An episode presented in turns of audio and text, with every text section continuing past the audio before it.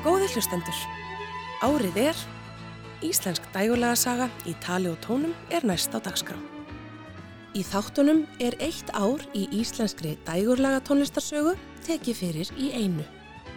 Ég heiti Sigriður Torlasíus en umsjónamenn eru Gunnlaugur Jónsson og Ásker Eithorsson. Framundan er setni hluti umfyllunar um íslenska tónlistarárið 2005.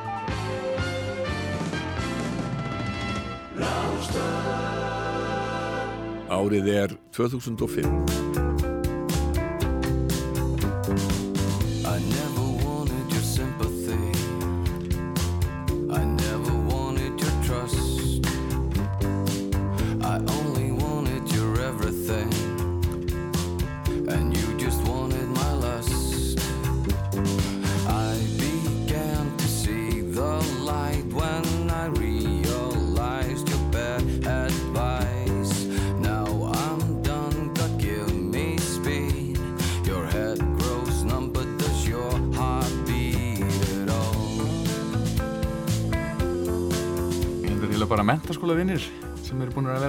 aðeins undir öðrum nöfnum og það bætist þarna einn maður við um þetta leiti sko og þá gefur okkur þetta nafn Toppi kemur inn, Já. þá verður til Jeff Wu í rauninni og þá byrjum við ákvæðum að bara gera plötu sem að var alltaf svona draumur, þú veist, en það var ekki mjög metnaðfullir draumur, svo við allt í hennu bara mjög metnaðfullir og ákvæðum að gera plötu. Þarna var ennþá svona lenskan sko við erum svona að komast til okkar vits og þroska hvað að fara á tónlist að þá er það ennþá lenskan sko að menn gerir plötu sem kosti fylgta pening sko í stúdíón að gera tónlist í laptopnum var ekki alveg komið á þann stað sem það er í dag sko. Það var alltaf svolítið fjarrætt draumur sko. Það var svolítið súræðalist að fyrsta lagi bara komast í tengslu við fólk sem að gatt hjálpa manni tæknilega sér að vinna í svona flóknum stúdíón og síðan að fjármagna sko. Bjarni Hall og Elís Pétursson töluðu um upphafsár hljómsveitarinnar Jeff Hu í MR upp úr síðustu aldamótum. Auk Bjarna og Ella skipuði Þormóður Dagsson og Áskervalur Flósasson bandið. Það var þó ekki fyrir árið 2004 þegar Þorbjörn Sigursson eða Toppi bættist í hópin að þetta varð alvöru hljómsveit og Jeff Hu tróði upp á sínum fyrstu tónleikum á Bar 11 á utan dagskrártónleikum á ervefsháttíðinni það árið. Þegar vinnan við fyrstu plötun á hófst nutu piltarnir góðs af vinagreiðum.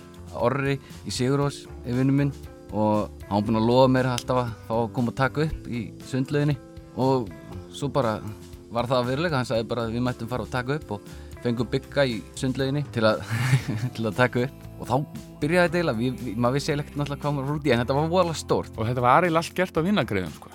eins og mikið er gert hérna á Íslandi sko. Og svo voru þarna menn bæði eins og, og, og byggi upptakari eins og, og kallar hér á og hérna Hrannar Ingimars sem er mitt með bróðunars batta í hljóstinni Ske og svona við fengum mjög gott quality fólk sko, í gegnum í rauninni bara batta tengsl sko. Já og svo Addi G líka í lífs, hann Já. hjálpaði okkur síðan svo fórum við nú sungum þar manni og síðan ef ég maður rétt þá voru við þarna orðnir áhættu fjárfestar þarna ungir sko, orðnum það formulega við tókum allir bara 100 áskona yfirdrátt í banka. Og þannig kostuðum við fyrstu plötuna. Platan fekk nafnið Death Before Disco og fyrsta lægi sem sett var í spilun var demoútgáfa af titillagi plötunar sem hljómaði aðeins á X-inu. En það var ekki fyrir en lægið The Golden Age fór að hljóma á öldum ljósakans að hljómsettin fór að vekja aðtikli.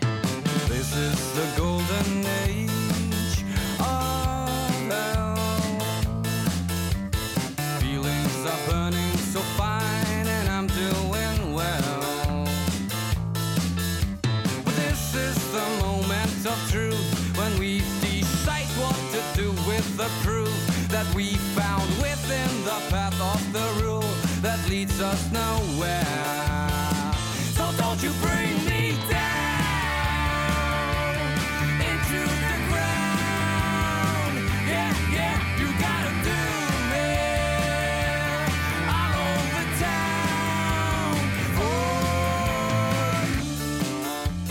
Kemur í kjölfara því hérna, Golden Age singullin sem að verður á X-inu þá er hann sko nýtt í spilun í einhvern svona trailer þar sko og það var algjört nirvana fyrir okkur sko einhvern veginn að upplifa það moment. Þá bara ringt mann á milli bara er það búin að heyra? Hérna- Ásker ætlaði að leggja gítarinn á hillina Já, hann var bara tilbúin að- tilbúin að hætta þá sko. Það var hins vegar ofursmellurinn Barfly sem kom Jeff Hu endanlega á kortið. En sagan á bakvið lagið er ótrúleg. Því uppaflega átti það ekki að vera með á plötunni. Já, með Barfly að þá við erum mjög olmir að komast í stúdíu, við erum komni með tíu lög og við erum alltaf svona samt að hugsa bæta við 11. læginu til að geta tekið eitt út og fyrsta lægi út hefði líklegast verið Barfly sem betur fyrr fórum við svo olmir að komast inn þannig að við fórum bara inn með þá Barfly eitt aðeim og það var bara þá svona filler It starts with a haircut that you don't understand. All dressed up, looking so sharp, just knowing you're the man. With a walk to the beat and your moves on repeat, the game is on tonight.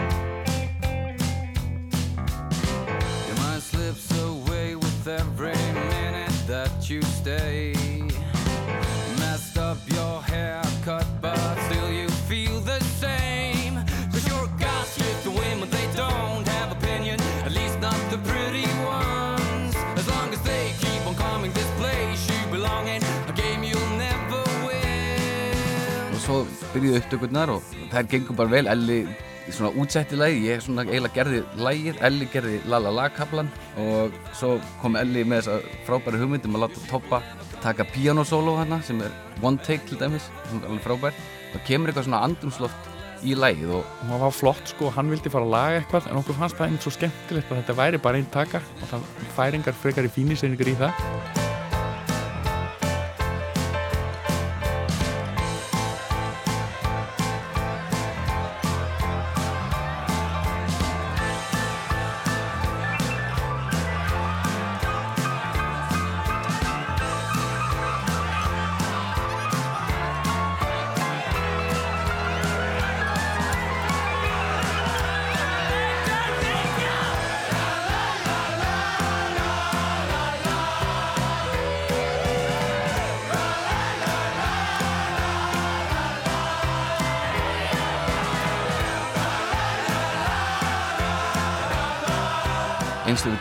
og við tökum upp Lala La kórin þá erum við í stúdiói og við ringjum í einhver svona þrjú partí það koma svona 20 manns hérna og þaðan bara. Og allir aðeins að fá sér bjór og svona. Og það allir óhættið við að syngja og þetta er nú ekki flókin kapli það bara kem, kom einhverju svona töfrar sem að maður vissi ekkert hvað maður að fara út í. Þannig að í rauninni hefði lagið ekki átt að fara einu svona í upptökuferli. En svo kom það og það fer á plötun og við erum alveg mjög sátti með það og svo kemur, hérna, kemur að því að okkur langar að gera myndband og að því að hann Gunni Palli og Sammi sem að gerðu myndbandið við Barfly fyrir okkur þeir fengur hérna að velja lag sko. Þannig að það er rauninni þeim að stóru hlut að þakka að þetta varð einhvern tíman singull þeir velja þetta lag sko. Og við, við og það er svona okkar upplifun alltaf að þetta myndband hafa nú hjálpað hans mikið við við að lifta því líka sko. það var ekki bara það var svona an annað sem að kaptjuraði einhverja svona stemningu svona svipað eins og bara upptökuferðlega á læginu þú veist að kom alltaf eitthvað sem að gerist bara þú planar þetta ekki almennilega og myndbandið var klárlega stór faktor í, í læginu Árið er 2005. If you leave me now, I am quite certain there won't be any consolation.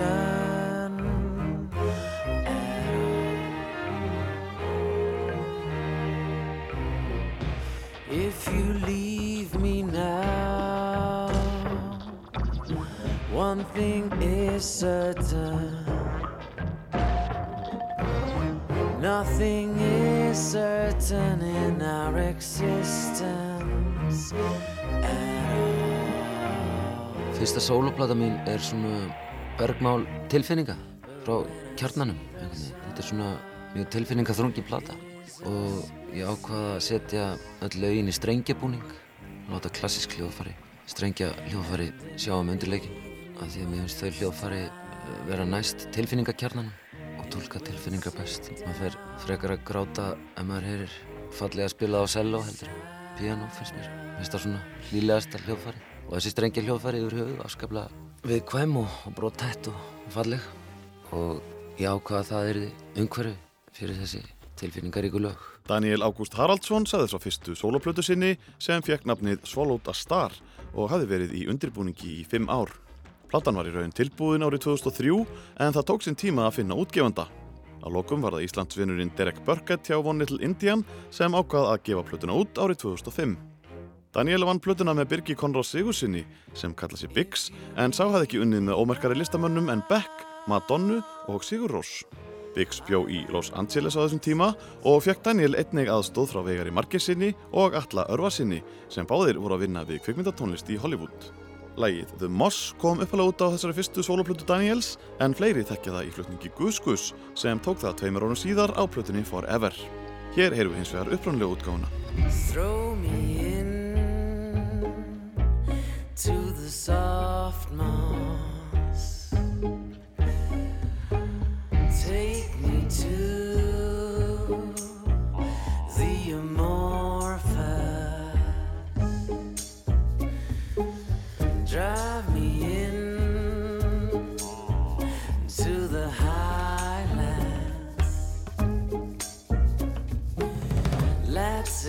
expand each other's mind. Árið er 2005.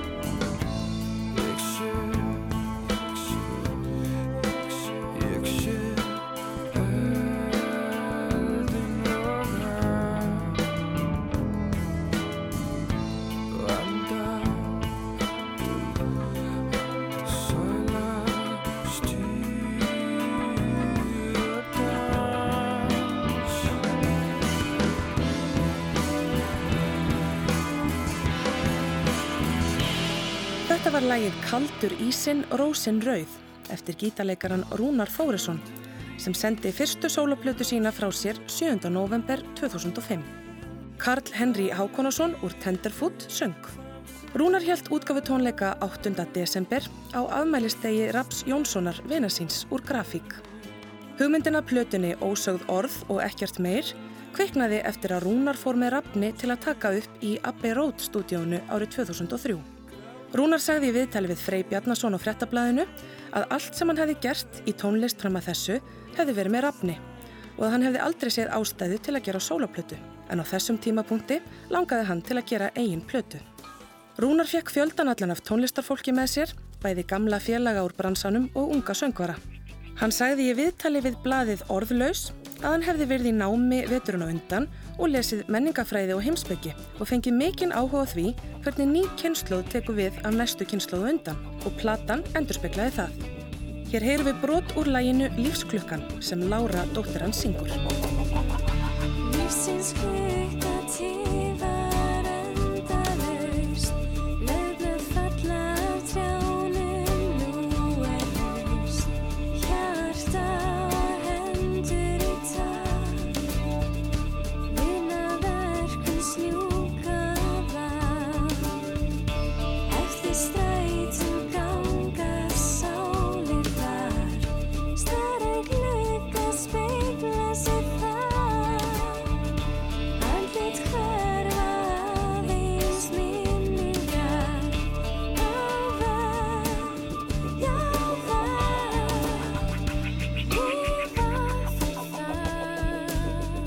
Árið er 2005.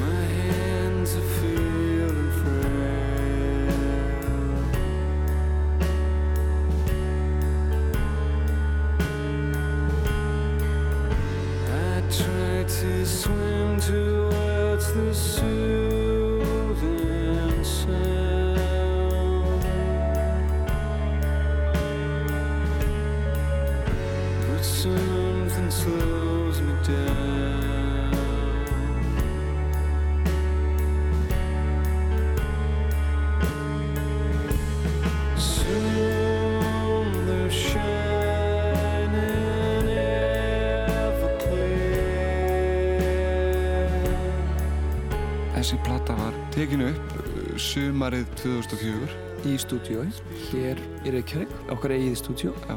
tíminn á þessu var í kringu tvo mánu að taka upp plötuna en, en skriftir voru nú áður þannig að þetta var, tók sinn tíma Fengum hingað yfir til Íslands til að hjálpa okkur Ian Davenport, góðvinn okkar Mm. frá Reading. hann einmitt var partur af fyrstu plötuna okkar líka Svo fengum við líka sem svona, hvað kallast það, producer, Jú, producer. þeir segja það, Upp á pródúser á hansku þessi maður, Marius De Vries hann hefur átt gott árspor hann hefur bæði unni með Madonnu U2 U2. og einhverju fleirum svona, stjórnum. uh, Björk, Var tónlistastjórin á, Moulin Rouge. hann er Bíómyndinni? mjög líflegu maður og þetta var eins og teiknumyndakari til hann sem mætti inn til okkar Já, það var alltaf mikið stuð í stúdíunum. fengum. Hann hjálpaði okkur svona með svona. Já, já. Þegar við vorum búin að vera að vinna svo lengi þessum lögum og það var gaman já, það var mjög gaman. hann kom hann svona eins og svona, svona eins og þriðja augað. já, já, sjötta sjónarfið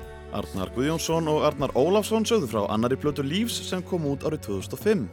Fyrsta smáskífulaplötunar var Sjakma, Drunken Starlight Sky sem kom út árið áður og var smáskífa vikunar á iTunes vefsíðinni í november 2004. Sveitinn hafði vakið feikna aðtegli áður en hann gaf út sína fyrstu plötu og stóru útgáfufyrirtækin börðust um útgáfuréttin en það fór svo að Lífs samtíð við B-Unique sem gaf út fyrstu plötu þeirra, Breathe, árið 2002. Lífspiltar sögðu skilið við B-Unique eftir fyrstu plötuna og gengur til liðs við útgáfurissan Island Records. En hverju breytti það? Arnar Söngvari svarar því. Þetta var nú kannski ekkit, ekkit mjög ósveipað en, en svona, þetta er meira svona stærra fyrirtæki og það er upplýðið bíuník meira svona á persónulegum level sko. Hitti meira fólki og það var þannig að það var ekki neinn markasteild innan fyrirtækis heldur réðu við sér PR fólk sko í að kynna blötuna og þetta var bara sett upp svona meðan hérna hjá Island Records þá var þetta bara risa batteri og risa maskína sem að rúlaði sko. Við vildum fara svona þróa okkur doldið mikið í svona tilruna kendari áttir. Já, doldið breytt um stefnu. Þannig að platan er mjög ólík fyrstu blötunni. Hún er þingri og svona meira verið að prófa alls konar tilruna kendari hluti bara með takt og, og annað sko. Við vorum með, rauninni, búin að koma okkur fyrir í höfðatúni í stúdíóðu þar, gamla stúdíónu hans Rappa sem hann byggði og við tókum bara yfir stúdíóðurinn og, og svo endaði þetta með því að við fengum Ian sem tók upp fyrstu blöðuna líka til að koma yfir bara og, og vera með okkur aftur og eins að hún var síðan hljóðblönduð úti. Platan fekk nafnið The Angela Test og kom út um haustið. Hún fekk víðast hvar góða dóma og bladamærið Times sagði til að mynda að Sjakma væri heillandi popfluga á heimsmæli kvarða. Á líkt hann læginu Putin Off við það sem íska hljónstinn U2 hefði verið að föndra við á upphafsárum sveitarinnar og fullirti að aðdándum Radiohead myndi þykja mikið til um trega fulla rödd Arnars Guðjónssonar.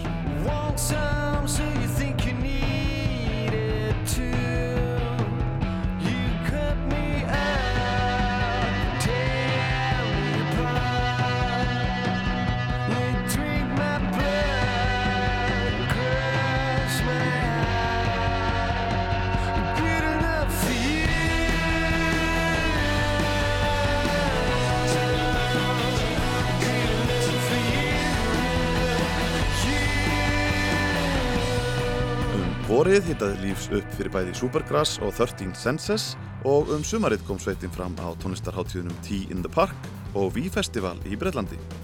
Um haustið hætti gítalegarin Arnar Ólafsson og sveitin breytist í kvartett.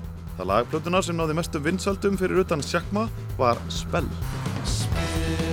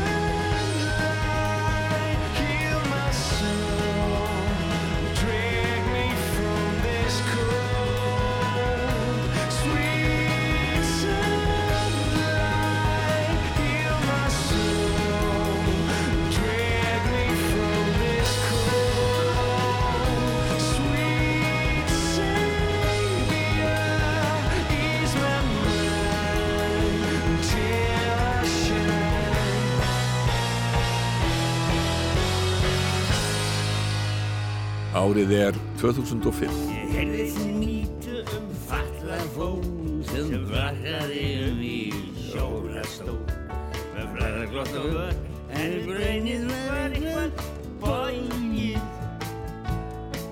Þegar leimskaði með sleik og lítum börn til sín en var læri keiti sem hann síðan gaf með og grín. Það ógstu vöxtum ólega ef að það var sæið Megas hafði komið fram með dúettinum Súkat í nokkur ár þegar þremenningarnir gerðu saman plötuna Hús Datt og kölluði sig Megasukk. Á plötunni voru nýjar útfærslur á gömlum lögum eins og Fallafóli sem fekk nafnið Fólafatt með Megasukki. En einnig ný lög eins og Fljótfærni sem átti upphaflega að heita Hús Datt. Óláni nú yfir manni dýnur Hvern anskotan er þú að gera vinnur Spyrir löggan ljótt á svipin og lítur mannin á Ég er að styðja húsið hérna yksta rólinn þá Löggan hló Hátt og varlar ég sér af kæti dró Kauða burtu með sér og húsið datt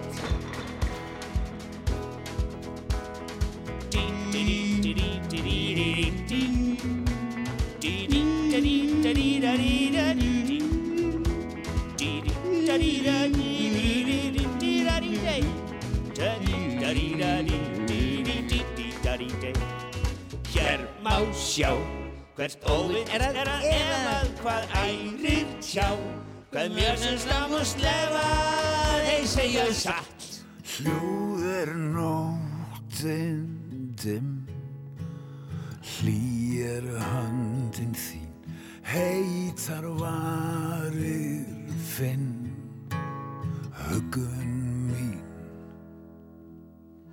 Ég finn þig læðast að í huga mín. Er þú laumastinn í stund og stað? Fæðist dagur færist nær Minningarnar frá í gær. Færa mér enn á ný Gjafir þær sem eru þú og allt mitt líf með þér Í öllu því sem var og er mitt líf Magnús Stór Sigmundsson sendi frá sér plötuna Hljóð er nóttin undir lok árs 2005 sem var fyrsta sóloplata hans í tæplega tvo áratögi. Magnús sagði við Morgumblaðið að þegar útgefandin Steinar Berg stakk upp á því að hann tæki aftur upp gömlu vinsælu lögin í nýjum og lágstemdum útsetningum og gæfi út á plötu þá leist honum ekkert á blikuna. Eftir að hafa hugsað málið og byrjað að nálgast lögin upp á nýtt hægt og rólega og neðan frá, eins og hann sagði sjálfur frá, vaknaði áhugin og lögin urður lifandi fyrir honum aftur. Rödd Magnúsar Þós vakti aðtikli.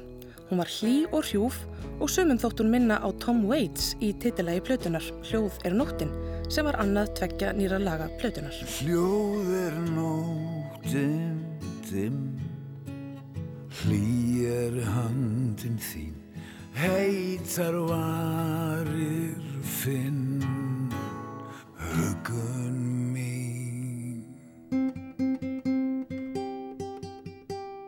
Siggi Ármann gáð plötuna Mindscape árið 2001 en lítið bara á þeirri plötu fyrir en liðsmenn Sigur Rósar fóru að hampenni og tóku Sigga með sér í tónleikaferð haustið 2002 þar sem hann hitaði upp fyrir sveitina. Þegar vinna hófst við plötuna Music for the Addicted sem kom út undir lok ás 2005 voru Kjartan og Orri Páll úr Sigur Rósunum innan handar og hún var tekin upp í hljóðveri þeirra í Mórselsbæ, sundlauginni. Það voru fleiri kunnir kappar sem aðstóðuðu því Sigtryggur Baldursson sá um slagverk, Jóhann Jóhansson leik á hljómborð, Davíð Þór Jónsson á bassa og piano og stelpunar í Aminu sá um strengi. Tónlistin var lágstemd, ángurvær og melodísk eins og lagið Elephant Man ber vitni um. Sorrow is the name for my emotions, my best friend. Now you are gone. Try to tell you thousand times how beautiful you were. You wouldn't believe me. You screamed I'm ugly, so I told you gently. Life is short, oh my elephant man. Nothing's wrong on my elephant man. You look fine on my elephant man. You will shine on my elephant man. Árið er 2005.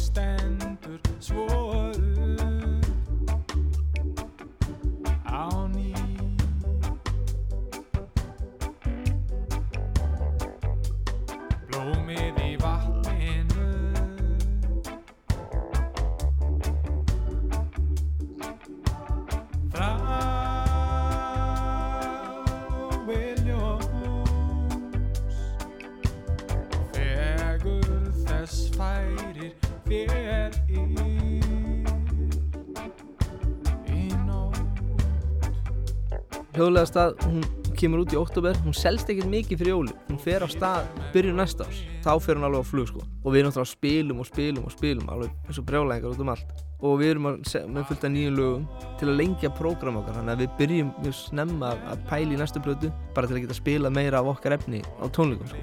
Og það sem við gerum er að við tökum bara gamestein alveg eins og hann leggur sig pökkum honum í sendiðarabíl og förum upp á flúðir og tökum upp plötuna þar áætluðum ykkur viku í þetta en eftir svona þrjá, fjóra daga þá vorum við bara búnir með plötuna við vorum í svo góðu spílaformi annars Guðmundur Kristinn Jónsson sagði frá annari plötu hjálma sem bar nafn hljómsveitarinnar og kom út haustið 2005 á vegum Gamesteins og við heyrðum brot úr læginu Geistinn í vatninu eftir Þorstein Einarsson. Hjálmar höfðu heilla landan með reggitónlist árið áður og slegið í gegn. Það hafðu orðið breytingar á bandinu í byrjun ásins þegar trommarinn Kristinn Snær Agnarsson hætti og bassalegarinn Petter Wimberg sagðist vita um tvo svíja, trommaran Níls Ólof Törnqvist og hljómbósleikaran Mikael Svensson sem eru betur þekktir undir gelnöfnunum Nisse og Mikke. þannig að þá var bandi orðið bara hálf sænst ég man, sko, þetta var mjög fyndið sko, við vorum alltaf að fljúa þeim yfir sko. maður var ekki búin að fatta að þú veist að búa til fyrirtæki í kringum þetta eða, nei, þannig að ég kerði þetta bara á vísakortinu mínu allan tíman, svo var ég bara alltaf að kaupa okkur flug með það, reyna að kaupa sem útýrasta flug með það því að við vorum, við vildum náttúrulega ekkert endilega hafa það alltaf sem lengst bara, við vildum bara inn og út þannig að ég kefti kannski flug með það og, og það var rosa dýrt ef ég myndi með á á sko. Þannig að þú veist, þá var ég búin með trygg sko, ég kefti inn á föstudegi og heim bara á, á fimmtudegi og svo breytti ég alltaf að með smá breytingu og borgaði bara breytingagjaldið sko. Það var miklu ódýrara. Það var öll þessi trygg sko til að koma kostnaðinu niður sko. En ég meina þetta gekk fínt sko, við, við veist, stútvöldu nasa trekk í trekk sko. Og maður fattar þetta náttúrulega sko, eftir að þarna er þetta náttúrulega bara norm, bara, þetta er bara leiðinu upp. Þarna var bandið alveg, alveg æðislegt. Og hérna, rosa góðum orðall. Við leigðum hérna, bátaskíl í Nautólsvík sem að þeir gáttu krassaði á nóttunni sko. Og hérna þeir voru rosa ánæði með þetta allt sko. En þetta var náttúrulega partytími sko. Það var mikið party í, í gangi sko. Fyrsta lagið sem fór í spilun var sænst þjóðlag. Ég vil fá mér kærustu. Við gamlan texta Indriða Einarssonar leikstjóra og það var eitt mest spilaða lagið á Rás 2 síðar hluta ásins. Hjálmar höfðu verið að djamma lagið á flúðum þegar þáverandi sveitastjóri sótti textan til móður sinnar eftir að hafa heyrt unarsfagra uppafstónalagsins úr félagsheimilinu. Mér kærustu sem allra allra fyrst. En ekki verður gott að finna hana Því hún skal hafa kinnar eins og hrúta ber á kvist. Og hvarma ljósin björt sem demantana Og hún skal vera fallegust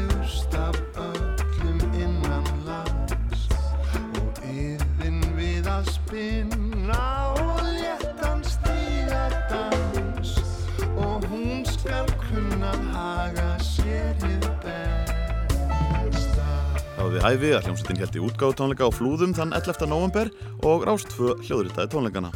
Áður en við heyrum Hjálma telja í lægið Til þín eftir Sigurd Guðmundsson skiptum við yfir til útgefandans Rúnars Júliussonar sem notaði tækifærið og afhendi sveitinni gullplötu fyrir fyrstu plötuna hljóðlega af stað. Sannkallaði gull snillingar eru komið til að vera. Þessi þjóð þurftu á þessari hljómsveit að halda. Til að slaka aðeins á og fækka og minka næstu grækina.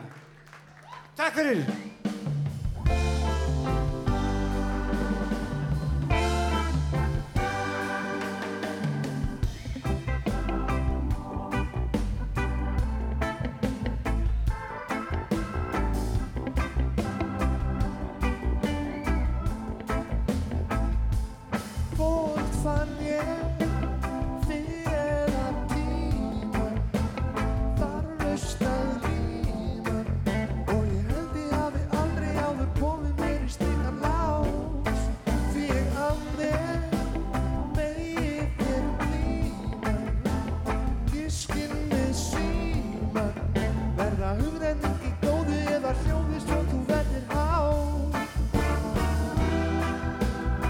Kjálfar þeirra vinsalda sem plata naut vildu Hjálmar skiljanlega fá sinns kerf af kökunni en samningamál við Rúnar Júliusson og Geimstein voru ekki alveg í réttum farvegi. þegar að loksins við erum búin að gera aðra plötuna aldrei búin að skrifa undir neitt samning eða neitt en og, og peningarnir náttúrulega hrúast inn og, við, þá fyrir við að spyrja að ef við ekki inn eitthvað pening eða eitthvað þú veist. þá er, er ekki bara að gera svona svipan díl og ég með, með GCD eða eitthvað svona, svona bara klassískan upptökudíl og þá vorum við ekki alveg til í það sko. þannig að veist, þetta er náttúrulega bæði byrjundaminnstu ekki okkur og ég held svona að, að góðmennsku hjá Rúnari, hann er ekki rosa mikið að spá í þetta sko. að þá basically gleymi svolítið að gera samningin sko. og ég, ég vildi náttúrulega leysa þetta bara í góðu en sko sv- einn af svíjónu var ekki alveg svona líbóð eins og ég sko. hann vildi bara fá peningin sko. þá var ég svolítið komið svona, svona jóþægilega stöði var svona báðu með við borðið svolítið sko og mér fannst betra að ég myndi bara bakka alveg út að þetta eru, eru bæði vinni mínir og alltaf að ég myndi bara færa þetta yfir í bara í viðskiptalegt form þar sem að ég er ekki vinnu minn hinum með borðið sko. Þetta sé bara eitthvað gauður sem ég er í business við sko. Og við færðum okkur yfir til senu og það er líka bara fínt, þar get ég bara öskrað á menn og þeir öskrað á mig tilbaka og svo framvegis og svo bara ringiðist við á eftir smástund og segja að ef ekki að róka aðeins niður. Og, og, og, en þú veist, það er vond að vera í viðskiptum við vini sína. Ég lærið það á þessu sko. Árið er 2005.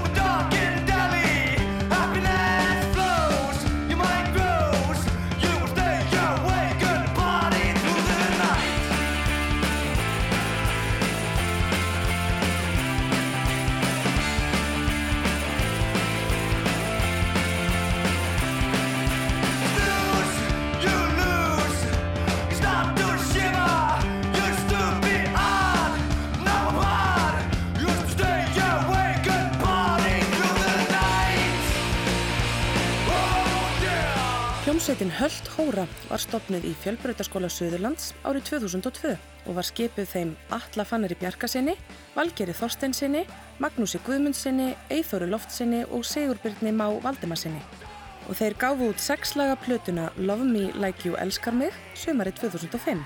En þrýr þeir síðastnefndu stopnuðu skömmu síðar hljómsveitina Veðurguðina á samt Ingólfi Þórainnsinni sem sló í gegn í ædolkeppninni ári síðar. Við heyrðum áðan brot úr upphafslæginu Party Through the Night en upptökur fór að mestuleiti fram í hrörlegum skála í Bláfjöllum árið 2004. Þegar þær voru á lokastigi sló rafmagnið út í skálanum með þeim afleiðingum að upptökurnar skemmtust. Þetta var fyrsta plata upptökustjórans Magnúsar Öter sem náði að endurhemta löginum síðir þannig að hægt var að klára plötuna. Hún var framleitt í 500 eintökum sem seldust upp á tveimur mánuðum, ekki síst fyrir tilstöðlan gríðarlegar útsjónasemi liðsmanna sveitarinnar. Piltarnir fóru reglulega í skífuna og komu plötinni fyrir í bubba eða ædolrekkunum eða á toppi vinsaldalista Vestlanana og ekki leið á löngu áður en upplægið kláraðist.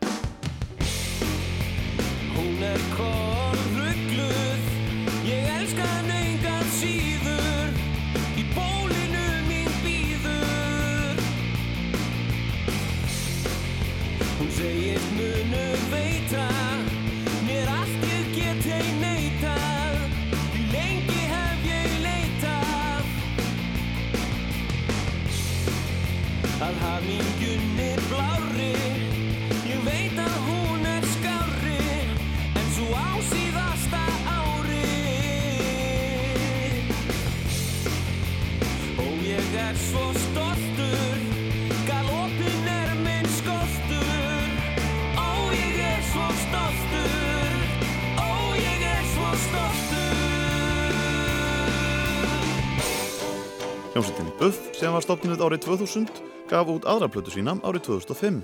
Þeir voru þó nokkuð tíma að sapna efni en þegar allt var tilbúið töldu þeir bara í og tóku plötuna upp live enda uppteknir menn og vildi ekki eða ómiklum tíma í vinsluna. Platan fekk nafnið Selfoss en það er heimabær Pétus Arnar Guðmundssonar söngvara sem samti flest lög á plötunni. Trómuleikarinn Hannes Friðbjarnason sagði viðtali við Frey Bjarnason í fréttablaðinu að nafnið hefði komið frá Pétri eftir að hann hefði skoðað boxsett af sjónvastáttunum Dallas. Í framhaldinu ákvaðu piltarnir að finna hús á Selfossi sem líktist South Fork og láta mynda sig fyrir framann það. Árið er 2005.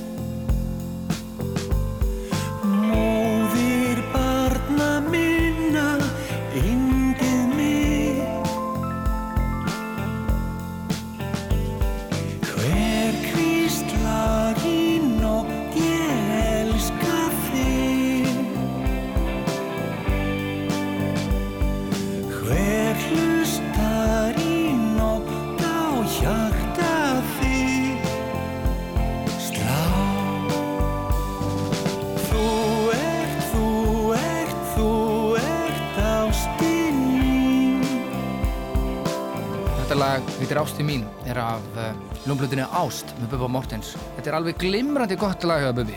Já, já, ég er alveg sammála því og barði klæðir það í alveg, alveg 100% búning.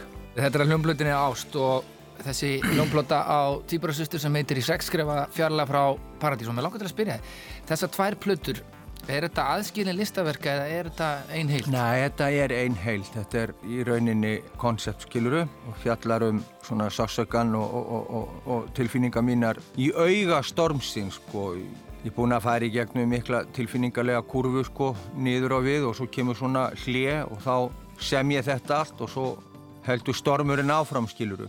En ég samti þetta og tíu lög í viðbót sem að hérna við bara notuðum ekki. En ákveðum í staðin fyrir að gera sko svo kallað doppulalbum, að gera í rauninni vinnadag sko hvert lag fyrir sig eins og uh, barði upplifiði hvað hvert lag ætti að bera og við byrjum strax að kalla þetta sko akústik hliðin og pop hliðin. Og svo ákveðum við að setja sem sagt efnið á synkvetdiskin í staðin fyrir að hafa þetta tvöfaldan disk eins og við þekkjum svona í tónlistaheiminum en til þess að undirstryka að þetta væri nú koncept að þá var þetta gefið út sama daginn sem er í fyrsta skipti sem hefur verið gert hérna á Íslandi. En já, já, ég líti á þetta sem heild. Þetta eru tvíburar sko já. Bubbi Mortens sagði Frey Eyjólfsinni frá plötunum Ást og í sexskrefa fjarlægð frá Paradís sem komu báðar út á 49 ára afmælistegi Bubba 7. júni 2005. Arnar Eggert Tórótsen, gaggrænandi morgunblæsins, fór fögurum orðum bæði um plöturnar og tónlistarmannin. Plöturnar fjalla hvor á sinn hátt um skilnað Bubba og konu hans Brynju en þau tvö slitu samistum seint á síðasta ári. Báðar eiga þessar plötur það sameinlegt að það er nánast óþægilegt að hlusta á þær. Ekki það að tónlistin eða flutningur hennar séu að valda þeirri tilfinningu, heldur eru textarnir það berorðir, einlægir og sásökafullir að það er eins og maður hafi slísast til að heyra eitthvað sem maður átti alls ekki að heyra. Hafið fyrir utan, gluggan minn er grá Ég geng stundum fjöruna og reyna að finna sátt Tíminn er vinur þinn reynda lífa rétt Því ástin getur aldrei orðið gömul frétt.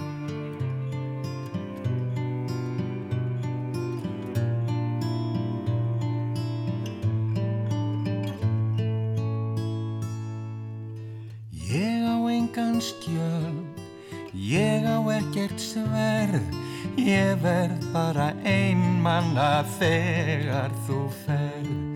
Ég á engan skjöld, ég á ekkert sverð, ég verð bara einmanna þegar þú ferð. Ástin getur aldrei orðið gömul frétt, söng Bubbi Mortens á plötunni í sexskrefa fjarlæð frá Paradís. En lagið Fallegur dagur af plötunni Ást var fyrsta lag í spilun af plötutönnunni. Það heyrðist fyrst í viðtækjum landsmanna voru 2004 og var tilnæmt sem lag ársins á íslensku tónlistarvelununum. Veit ekki hvað vakti mig. Vill liggja um stund. Tógar í mig tær byrtan Lýsir mína lund. Þessi fallegi dagur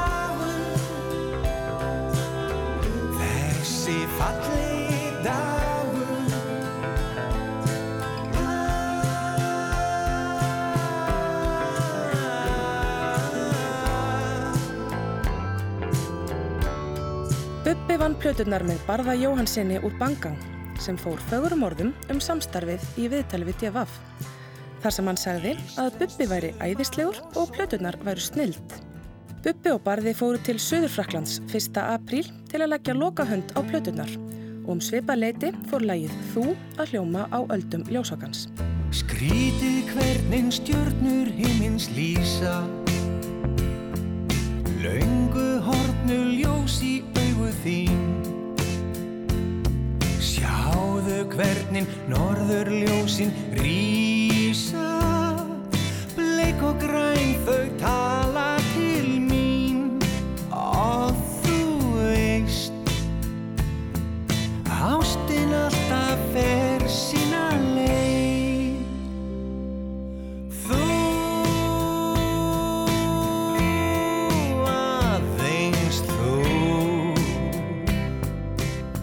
Í lok februar eða þann 28. var greint frá því að Bubi Mortens hefði selt sjóvá höfundaréttin að lögunum sínum. Þetta er í fyrsta sinn sem íslenskur tónlistarnar gerir slíkan samning en David Bowie og Rolling Stones hafa farið svipaða leið með sína tónlist.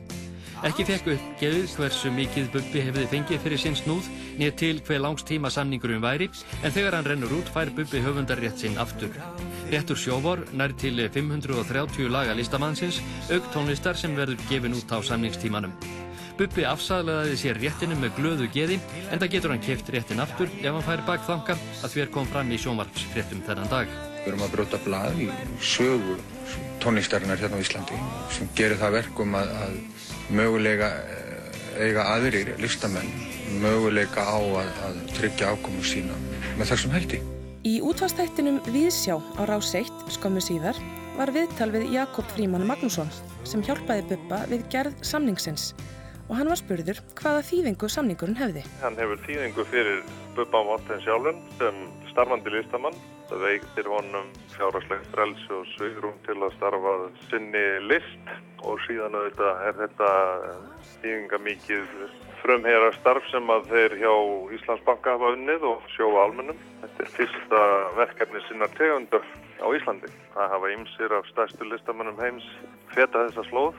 Margir hverjir með það í huga að njóta ávasta erfiðisins, svona mestuleiti áður en þeir fara yfir móðuna miklu, en Bubbi er nú ekkert á leiðinni þanga vonandi, þetta er samningur hugsaði til skemmri tíma, kannski eins konar vegvísir fyrir það sem koma skal. Og þetta í sjálf sem breytir ekki nokkru um tónlistina, sköpunennar eða afdrif. Þetta breytir bara því að Bubbi er með umtalsverða sjóðu til ráðstöðunar og uh, fyrirtækið sem að fjárfesti í hugverkarsjóðunum er með dágóða ávöxtun á sinni fjárfestingu. Árið er 2005.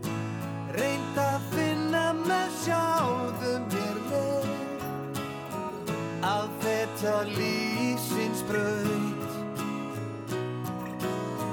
Ég vissi þá það var stúlka sem beig og hamingjan á næsta leiti.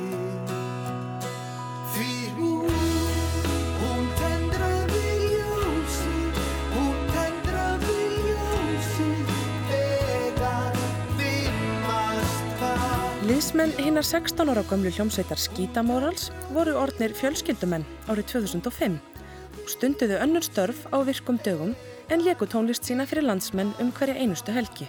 Þeir sögðu að tónlistin skipaði svipaðan sess hjá þeim og golf hjá þeim sem stunda það. En Skítamóral sendi frá sér fyrstu plötuna í sex ár 2005. Það var Plan B fyrirtæki Einars Bárðarssonar sem gaf plötuna út og piltarnir kynntu plötuna Má ég sjá á útgafutónleikum í Íslensku óperunni 1. desember. En á þeim tíma hafði lægið Hún notið talsverðra vinsælda í útvarpi.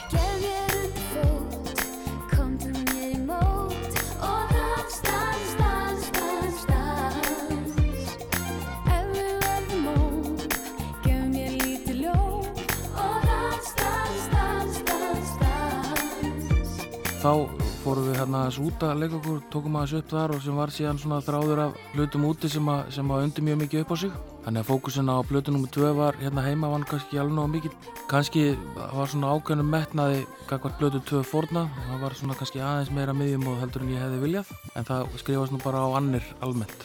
Einar Bárðarsson sagði frá annari plötu stúlknasveitarinnar Nælon, Góðir hlutir, sem kom út hausti 2005 og átti að fylgja eftir ótrúlegri velgengni þeirra árið áður. Fyrsta lag í spilun var gamli Þú og ég diskosmellurinn Dans Dans Dans og fekk einar plötusnúðin Danna Deluxe til að poppa lagið upp. En Óskar Páll Sveinsson stýrði upptökum á laginu eins og allri plötunni.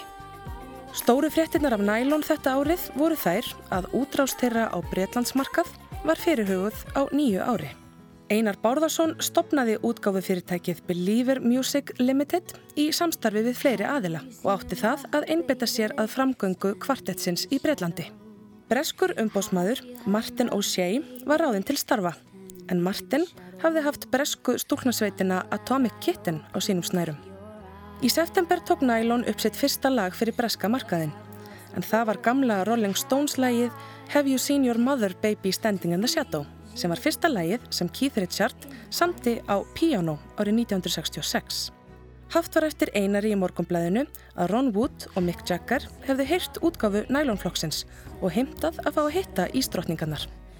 Útsetningin sem notast var við var frá árinu 1973 en einn helsti áhrifamæður í plötubransanum á 8. áratögnum, Jonathan King, átti útgáfuréttin. King vildi vinna með einari og hjálpa honum að koma nælon á framfæri en hugmyndir hans og einars fór ekki alveg saman og ekki fegst leiði til að nota útsetninguna. Máli var því frist og þessi upptaka hefur aldrei áður hljómað í eirum útvarslustenda. Tell me a story about how you adore me. We live in the shadow, see through the shadow, glimpse through the shadow, tear at the shadow, hate in the shadow, love in the shadow.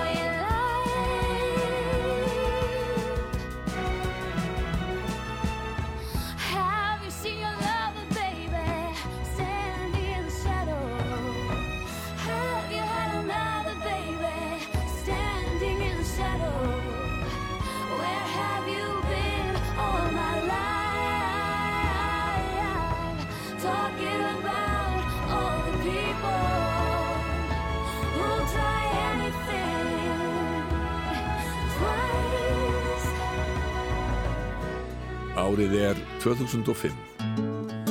You came into my life a long time ago when we were young. Emotions deep inside, we both fell together as one. I never thought we would be separated, felt so cheated. Now I know God, there's no reason to feel mistreated. Jens Ólafsson, söngvari Brain Police, stopnaði rockduettin Hot Damn vorið 2004 á samt gítarleikaranum Smára Jósefsinni. Hann er betur þekktur undir gælunafninu Smári Tarfur og hafði meðal annars spilað með hljómsveitunum Spitsign og Kvarasi. Það fór strax vel á með þeim félögum og ekki leið á löngu áður en sex ný lög voruðu orðin vel mótuð hjá duettinum. Piltarnir sleftu læginu Hot Damn That Woman Is A Man lausu um sumarið og það sló í gegn. En fyrsta og eina plata Hot Damn The Big and Nasty Groove of Mother kom út vorið 2005. Við heyrðum áðan brot úr læginu Together as One sem smári samti til minningar um vinn sinn, tónlistamannin Fróða Finnsson sem fjall frá ungur að árum. Hér er hins vegar farið að stað lægið vinsæla Hot Damn That Woman Is A Man en textin er byggður á reynslusögu ónefnds rocksöngvara sem lendi í óvæntu ævintýri í Amsterdam undir lok 20. aldarinnar. This is a story about a man I know. Once he found his lust for women, no one knew where he'd wanna go.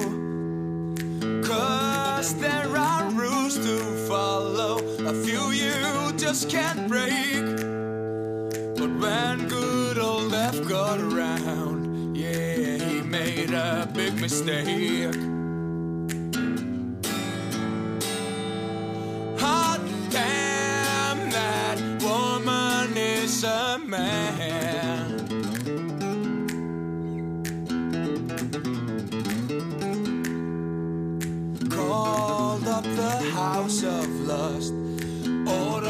Five foot two.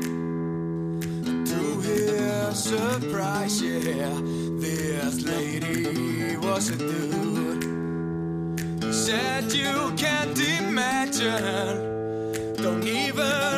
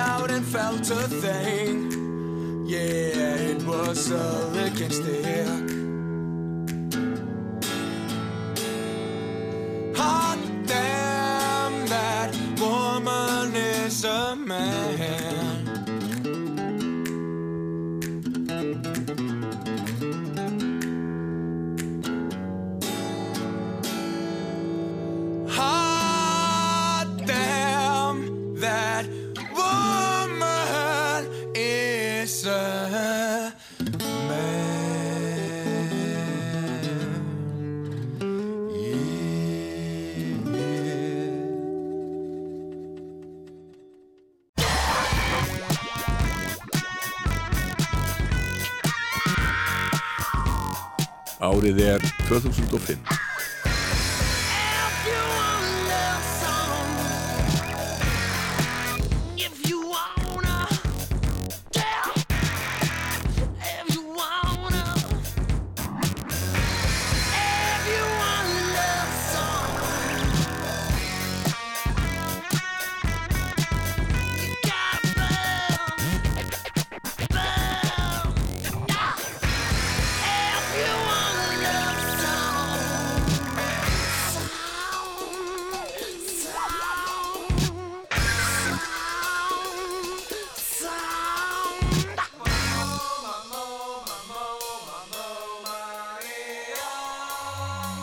var líka alltaf pælingin að gera sko elektrónik sem var tekin upp mjög mikið live. Þessi fyrsta plata var svo rosalega stúdíoplata. Það leiði yfir henni marga mánuði.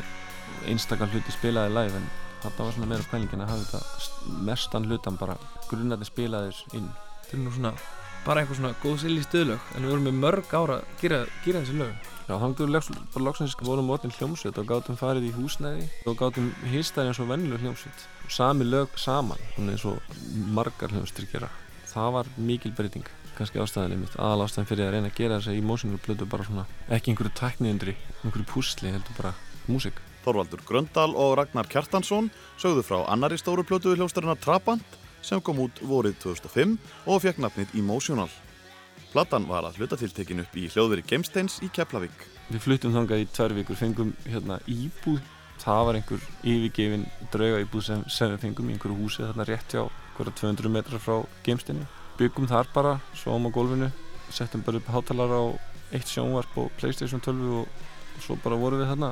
Svo það sem var svo rosalega einspyrjandi og skemmtilegt var að vera í gimstinni og með, með Rúnar Júliusson svona þannig í námt við okkur að spila var hann, ekki, hann var alltaf að spila skák á internetinu jú, jú. og passa upp á okkur. komum við rætt á hvort við verðum ekki að hefða okkur og alltaf æðisleg æðislegur andið þannig en þarna var sem hjartaði plötinni og líka bara þess að töff að vera í Keflavík er, þú veist, er Detroit, Detroit okkar, okkar er svona bær sem heit aldrei svona, svona svona hættulega áræði við honum. Og náttúrulega á þessum tíma þá var sko, þá var náttúrulega líka ennþá hérna herstöðin. Þannig að við lifum svona Top Gun lífi, þú veist, vorum í stúdíónu, fórum síðan á barinn og spila biljart við einhverja hermenn.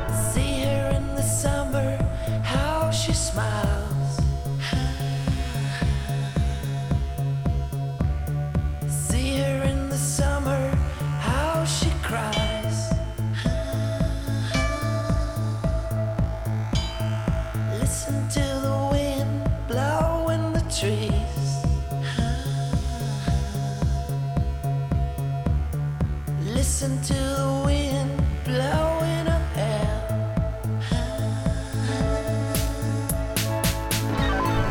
I never wanted to be the one. I never wanted to be the one. Hljómsveitin Trabant og lagið The One af plötunni Emotional. Trabant var í fyrstu duett Þorvaldar Gröndal og Viðas Hákonar Gíslasonar og þeir gafu út plötuna Moment of Truth árið 2001. Í kjölfarið fjölgaði í hljómsveitinni þegar ákveði var að fylgja plötunni eftir.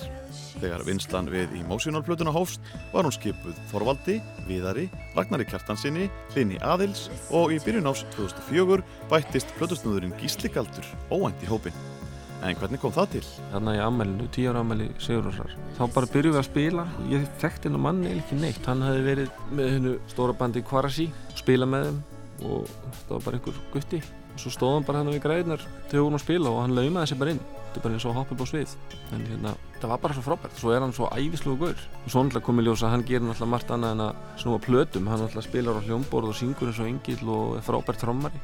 Þannig að þetta var bara algjör snild að fá hann. Hann kom svona yngd okkur upp. Já, líka hann yngd okkur upp. Platan fekk frábæra dóma. Átni Matt á Mokkanum sagði að í hanastélinu væri skvettur af allir þeirri partítónlist sem skemmtilegast hefði verið að hlusta á síðustu áratvíi. Og Trausti Júlíusson og D.F. sagði að það mætti heyra áhrif víða að, til dæmis frá 80s tölvupoppi, stadium rocki og hiphopi, en allt verður þetta marinerað og mixað að hætti húsins og uppfært í trabanska stuðmikstúru sem olli ekki vonbriðum. Eitt af vinsalistu lögum ásins var smellurinn Nasty Boy. I'm a little nasty, I'm a nasty little boy. I'm a little nasty, I'm a nasty little boy. I'm a little useless, I'm a useless little toy. I'm a little useless, I'm a useless little toy. Ow!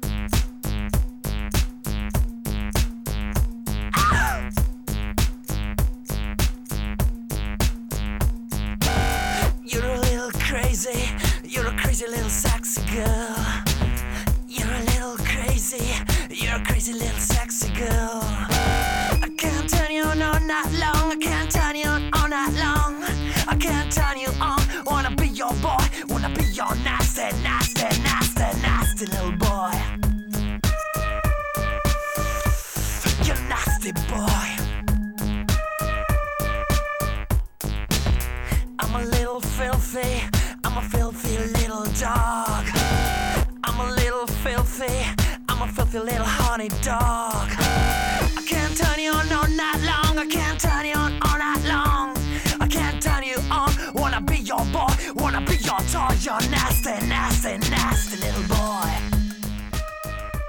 Mann að við tókum þetta upp og svo vissum við aldrei hverju gerði eitthvað við þetta. Þetta var, var aldrei gefið út á neitt single en þetta fór bara eitthvað að heyrast og svo heyrði maður að það var verið að einhverju DJ-ar byrjaði að spila þetta og það var svona fyrsta sem var, fekk einhverja spílun og allt í hennu var Trabantúri hljómsveit sem fekk einhverja spílun það var svolítið skrítinn hérna veruleiki. Og svo það versta, eða besta eða þegar maður fekk að heyra sögðar á badnamelunum þegar krakkarnir voru í að syngja næsti bæ Ég maður líka aukvöld að við vorum bara svona, svona alveg poppara þegar ég var á Selfoss á bensinstöðinu og bara fullt af krökkum komið til mér bara eitthvað, er þú ekki dabat, er þú ekki næsti bókurinn? Þá bara, vá, við erum bara alveg poppara, maður var hann hot stuff á Selfossi. Tónleikar hljómsveitarinnar voru rómaðir fyrir mikið stuð þar sem sveitinn sett upp nokkur svona kabarett með glimmer, sprengjum og litrikum klænaði og þegar stemmingin á því hámarki voru liðsmenn yfirleitt orðnir hálf naktir á sviðinu. Ég held að það verið þróun sem gerði svona hægt og rólega það fara bara við reikvíska músiksveinu að all bönd er alltaf að reagera á hinböndin og, veist, og við fórum daldið að reagera á veist, okkar, okkar samtíma hljómsveitir sem eru veist, eins og bara eins og Múm og Sigur Rós og, og hljómsveitir sem er kannski svona miklu meira svona introvert sviðsframkomu þá, þá náttúrulega kjörum maður ekki að gera það sama þá fyrir maður að gera akkurat hitt. Mm -hmm. og þá fór bara, fór þetta bara meðast við að vera bara nógu miklir hérna extrovertar og nógu mikil læti á sviði Þetta var svona eins og að fara finna góð uppskrift af mat og, og hérna, eldanastundum, þetta var svona gaman þú veist, maður vissi að hérna, þetta var frábær matur. Og eins með tónleika, þetta var svo gaman síðast. Og þá var það kannski svipaði hluti sem mátti eiga vona á sko. maður fór bara í nærbúsvöldnar og hérna, síðan voru varnir mjög hérna, færir í því alltaf þegar við fórum til útlanda. Alltaf það fyrsta sem Trabant gerði var að leita hérna, strippbúlum og snýrstifurverslunum til þess að leita okkur að nýjum undirfötum og, og, og hérna eyelinerum og, og fundu næstu glimmerbúð, konfettisprengjur. Þetta var bara einhverjum svona fyrirlum klúpi. Fyrir utan það að við spilum músík, þá var bara svo gaman að gera þetta á tónleikum.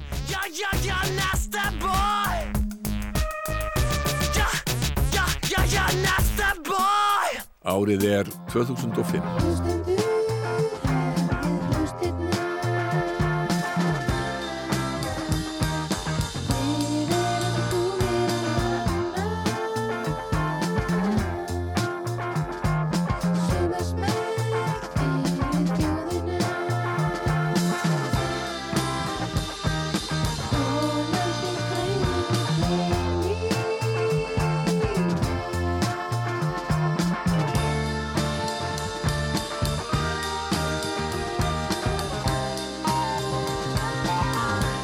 Hljómsveitin Ég gaf út sína aðra plötu sömari 2005. Hún fekk hið hóværa nafn Plata Ársins og hún var einmitt tilnemd sem Plata Ársins á Íslensku tónlistarveljónunum. Róbert Örn Hjálmtísson, söngvari og fórsprakki hljómsveitarinnar Ég, hafði þetta um efnisinni haldið að segja. Diskurinn er að mestu um frekju bankana. Þetta eru frekustu fyrirtæki og algjörlega úr takti við raunveruleikan. Svo er fjallað um stjórnmál á fókbaltamáli. Útgefandi plötunar var Samskeitin Inn Records sem var í eigu æskufélaga Róberts, knatsbyrnumannsins Eðismára Guðjónsson. Og það var því vel við hæfi að eitt af lögum plötunar var samið um hann og það var tilnæmt sem eitt af lögum ársins á íslensku tónlistarvelunum.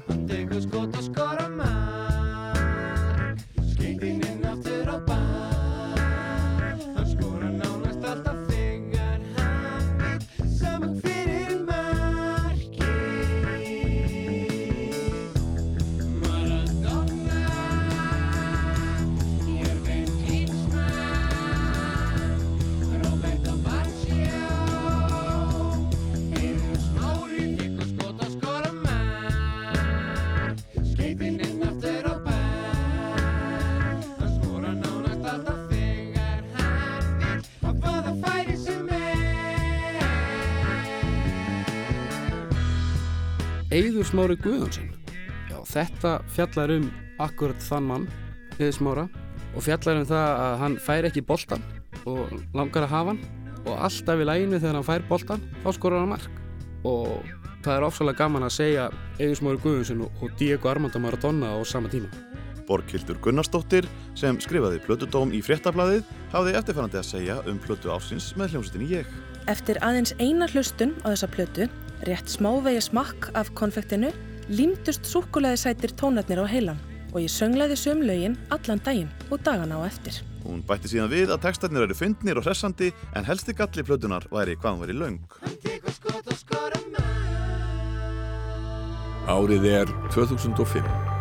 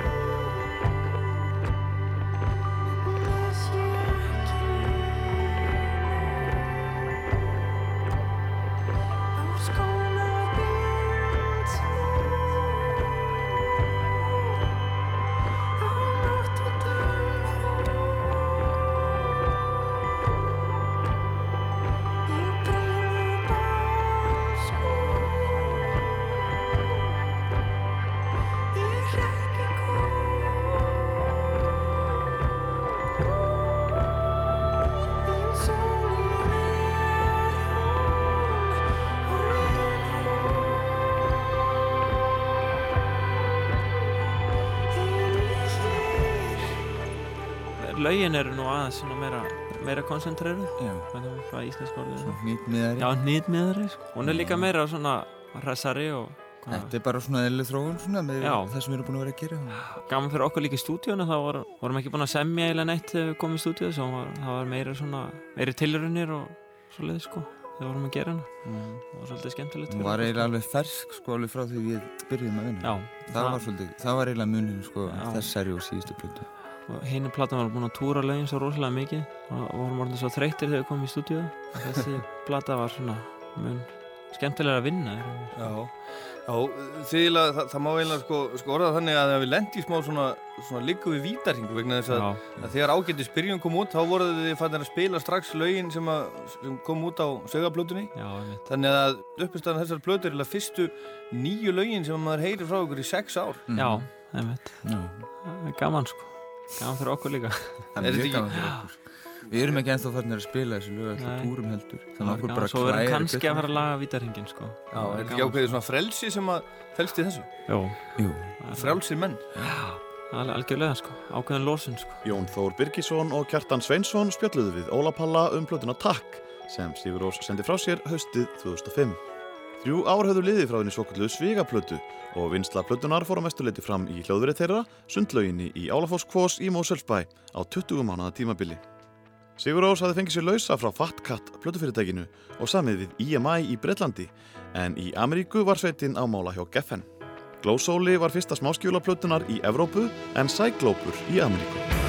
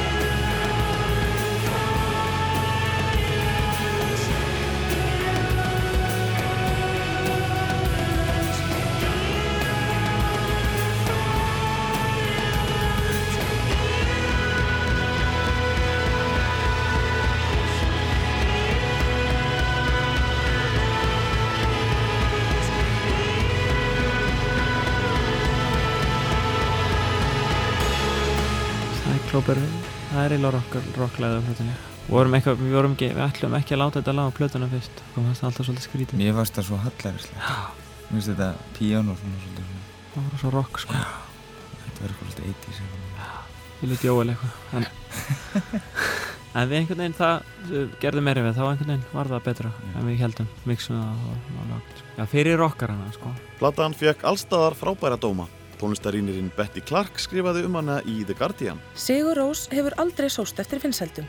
Þessi fyrsta plata sveitarinnar fyrir stórt plötufyrirtæki kemur því skemmtilega óvart. Blæbriðamunur á lögum tryggir að platan dettur aldrei niður í neyn leiðindi. Mest er þó umvert að þessi óvæntu aðgengileg heit draga engan veginn úr dulafullri áru sveitarinnar. Heldur þert á móti er hún orðin dýbri og skýrari.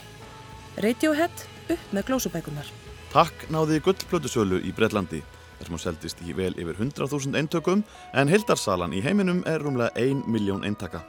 Annað smáskifula plötunar var Hoppy Podla og það sló í gegn.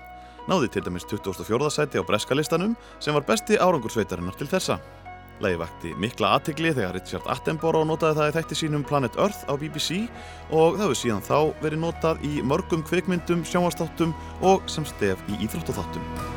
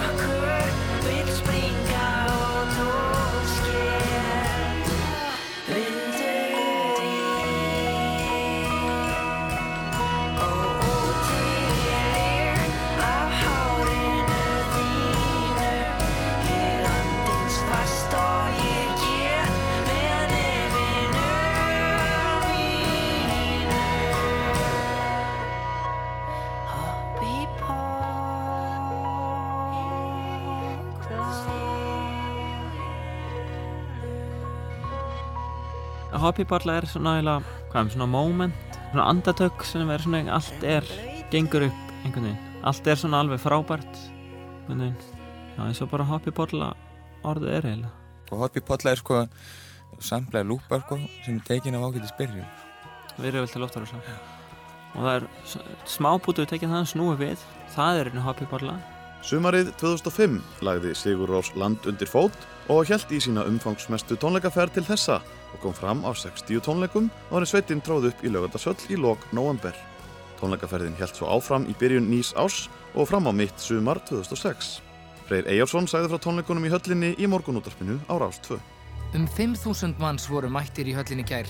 Uppselt á tónleikana hjá Sigurós sem loksins eftir þryggjára hlje held tónleika á Íslandi og það er reyndar furðulegt hversu sjaldan bæði Björk og Sigurós leika fyrir sitt heimafólk. Það ríkti því mikil eftirvænting í gær þegar hljómsveitin steig loks á svið. Tónleikar sveitarinnar eru rómaðir út um allan heim. Nýja platan hefur fengið lofsamlega dóma bæði íslenskum sem og erlendum fjölmiðlum og Sigurós er orðin langfrægasta hljómsveit landsins. Hollywood stjörnundar hrósenni og tónlistennar hljómar í stórkvikmyndum. Henni var því ákaft fagnaðið gær þegar hún held líka þessa stórfenglegu tónleika og viðbröð áhörenda voru meðal annars þessi. Alveg frábærir, best að segja sér. Mér finnst þér æðiskengir. Eitthvað svona sérstök orð sem koma upp í hugan þegar þú lýsir þessum, vilt lýsa þessum tónleikum? Magnþrungið. Æðiskengi held ég sé samt helst árið sér lýsa. Það var, það var bara æðiskengi. Þetta er frábærir, þetta eru bestu tónleikar sem ég hef farið á sko. Þegar hann hann stoppaði og svo fór að anda og það var svo mægt að fæða. Dauða þögn. Þetta var og svo bara hann að syngja það var eins og barn að fæða. Nú eru þrjú ár síðan hljómsveitin legenda síðast. Finnst ykkur að Sigurós mætti spila oftar hérna? Já, miklu oftar, miklu oftar. Þú voru geðveikir tónleikar. maður er bara orðleis þetta var bara stórkostlega upplifun Engin svona orð sem kom upp í hugan? Vá, bara stórfenglegt bara þeir eru sér snillingar Bara eins og náttúruhamfarir, stórkostlegir. Já, sama hér, mér finnst það stórkostlegt. Alveg yndislegir. Þetta er bara, þetta er mikil upplifun. Þetta er meira heldur en bara tónlist. Þetta er bara upplifun. Já, íslenskjar áhörundu voru afskaplega ánægð með tónleikan í gerð. Það vakti aðtikli hversu sveitin leik lengi eða í 2,5 tíma. Söngvarinn Jónsi tilkynnti tónleikagestum að það hefði verið frábært að leika fyrir íslenska áhörendur. Og þegar tónleikarnir voru búnir var varpað á risastórt tjald. Eitt orð, takk. Árið er 2005.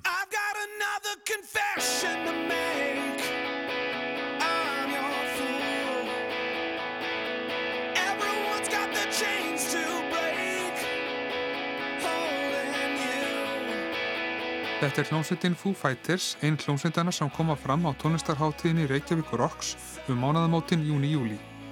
Þessi bandarska sveit með Dave Grohl í broti fylkingar leikur þann 5. júli í Egilsvöll á samt rockjöfrunum í Queens of the Stone Age en háttíðin hefst með tólingum Duran Duran á sama stað þann 30. júni. Kári Sturluson er meðal þeirra sem standað háttíðinni og hann segir að þetta sé bara byrjunin. Sko markmiðið með þessari hátíð er mjög einfalt og það er að establisera á, í Reykjavík og Íslandi alþjóðlega tónlistarhátíð um hvert sumar í flútti við þær hátíði sem eru í Európu og eru í gangi eins og Róaskjelda, Glastonbury og Redding og fleira. Og þetta er alltaf langtíma plan. Hér er ekkert verið að tjálta til einna nætur. Og nú í ár þykir mér bara að hafa tekist nokkuð vel upp. Þetta átti nú ekki að vera svona stort fyrsta skipti en hlutir aðtökuðist þannig að, að Dave Grohl og félagar þeir leittu svolítið vagnin í þessu og, og tældu hinga með sér Queens of the Stone Age og síðan datt Djúran Djúran inn í framhaldinu markmiðið er þannig séð bara mjög einfalt að, að bjóða reykingum og Íslandingum upp á allsjóðlega tónlistarhátti hvert sumar. Árið 2004 var tónleikafár á Íslandi sem erfitt var að toppa en á árinu 2005 tók landin á móti ímsum erlendum listamönnum sem margir hverjir höfðu áður komið til landsins. Alls komu 8000 manns í Egilshöll á tónleika bandarísku hljómsveiturinnar Foo Fighters og landa þeirra Queens of the Stone Age og það var hverki gefið eftir í rockinu. En á tónleikum ennsku hljómsveiturinnar Duran Duran, 60 fyrr, sveif mikil nostalgía yfir vötnum og voru 10.000 tónleikagestir mættir til að berja Simon Le Bon og félaga augum þegar þeir rendur sér í gegnum öll sín vinsælustu lög. Meðal annara erlendra flytjenda sem heldur tónleika á landinu þetta árið voru Anthony the Johnsons, Alice Cooper, White Stripes, Snoop Dogg, Joe Cocker, Franz Ferdinand, Megadeth, Iron Maiden, Sonic Youth, The Shadows, Kim Larsen og Robert Plant og hljómsitt hans Strange Sensation. It's a song you can dance to. Move your feet, wink, wink.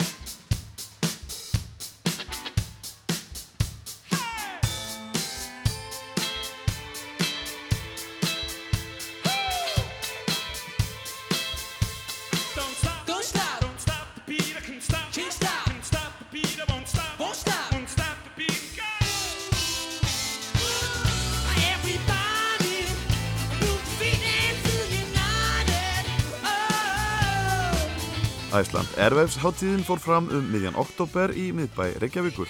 Þar var bóðið upp á 160 tónlistaratriði með 20 erlendum hljómsveitum og einn þeirra var danska stuðsveitin Junior Senior sem hafði slegið í gegn með læginu Move Your Feet tveimur árum fyrr. Lægið var alþjóðlegur stórfmellur sem poppaði upp á vinsaldalustum út um allan heim og sveitin hafði túrað um heimsbyðina nánast linnulöst í tvö ár þegar hún lendi á Íslandi í oktobermánuði. Með för var íslenska söngkonan Þórun Antónia Magnúsdóttir sem söng bakrættir með Junior Senior á tónleikum sveitarinnar á NASA við Östurvöll.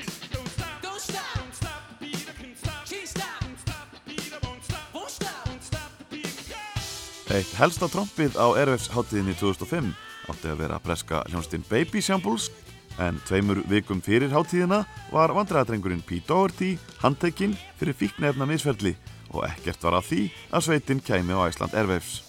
Um 200 erlendir bladamenn sóttu háttíðina og meðal þeirra var David Frick frá bandaríska tónlistatímaritinu Rolling Stone sem sótti Airwaves í fyrsta sinn en átti eftir að vera tíður gestur á háttíðinni eftir það.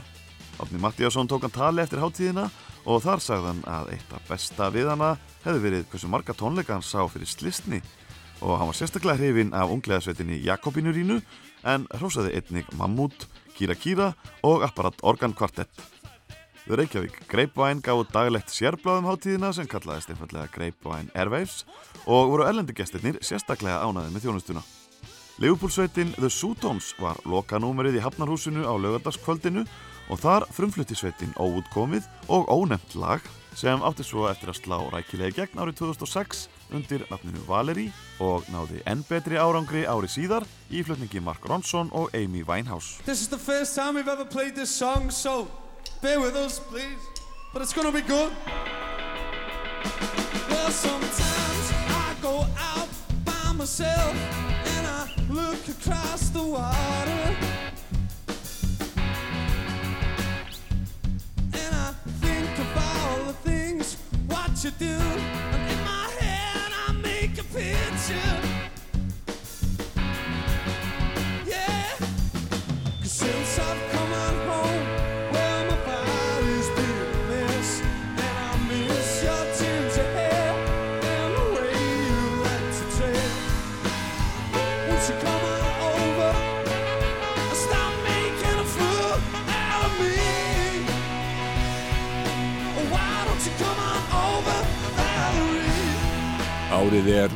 2005.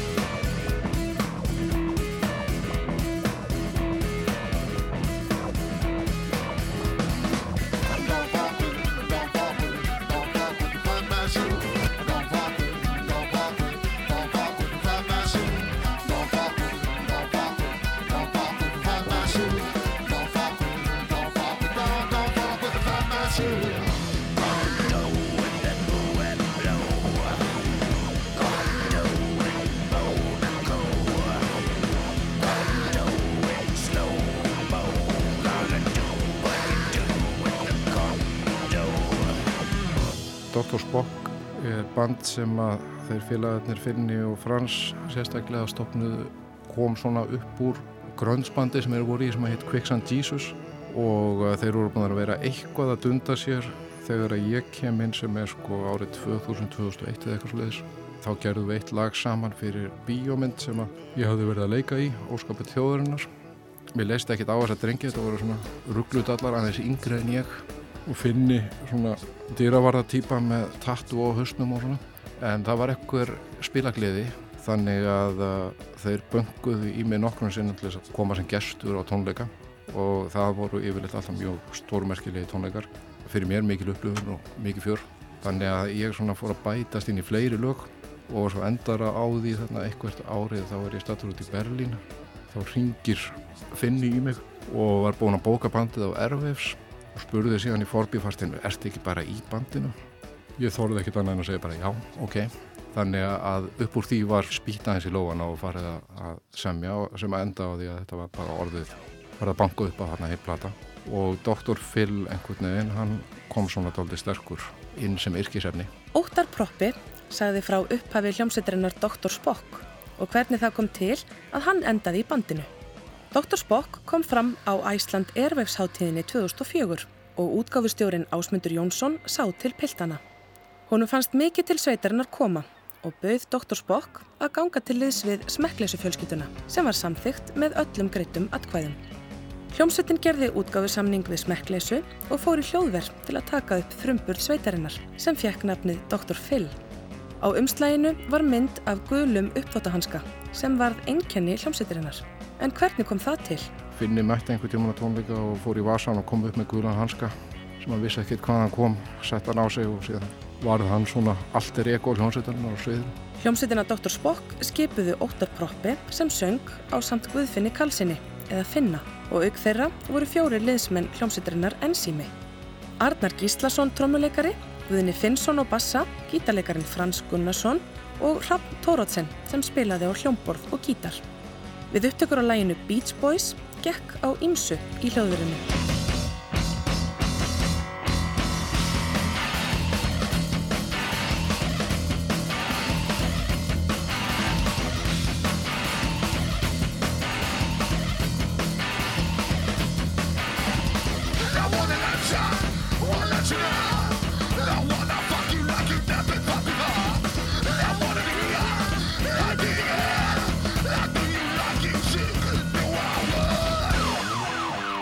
Spock er eiginlega svona gjörningaband, svona live band þannig að þegar það var ákveðið að taka upp blötu þá fórum við með honum Ívari Bongo inn í Sýrland, tókum með okkur monitorkerfi eða svona hljóðkerfi og settum bara allt í botn spiluðum og sungum bara allt live inn í einu herbyggi vorum þarna einhverja góða helgi og öskruðum úr okkur líftóruna og kláruðum þetta. Bandið var svolítið þannig sko. Þetta spilaði svo mikið á energínu þegar við vorum allir saman í sama herbyggínu og gerir ennþá sko. Já, já, það er eiginlega flest sem að við höfum tekið upp. Við höfum svolítið reynd að gera þetta þannig að reyna að fanga eitthvað moment þar sem við erum allir að spila í staðin fyrir eitthvað svona púsluspil. Það er alltaf, mér, alltaf skemmtilegra. Þó að séu svona einu en mistök þá er það bara hluti af sjármann. Já, það eru mörg mistök til dæmis á þessari Dr. Fullblötu sem gaman er að heyra aftur og aftur. Ég man eftir brík mikið kjöða, ég fór í gegnum alveg heilt lag sem er á tökunni með í rauninni bara eitt kjöða og svo bara svona flís í annari hendinni og komst í gegnum það og það var eiginlega takan sem var notuð á blötunni sem ég svo bölvaði í sand og ösku, ég heyrist í lok tökunar. Ég bölvaði sko í sand og ösku á spænsku sem ég á nýbyrjar að læra þá. Guðni Finnsson og Arnar Gíslason sögðu frá upptökum á plötunni Dr. Phil. Í læginu Strawberries notuðust piltarnir við texta úr bítlalæginu Strawberry Fields Forever.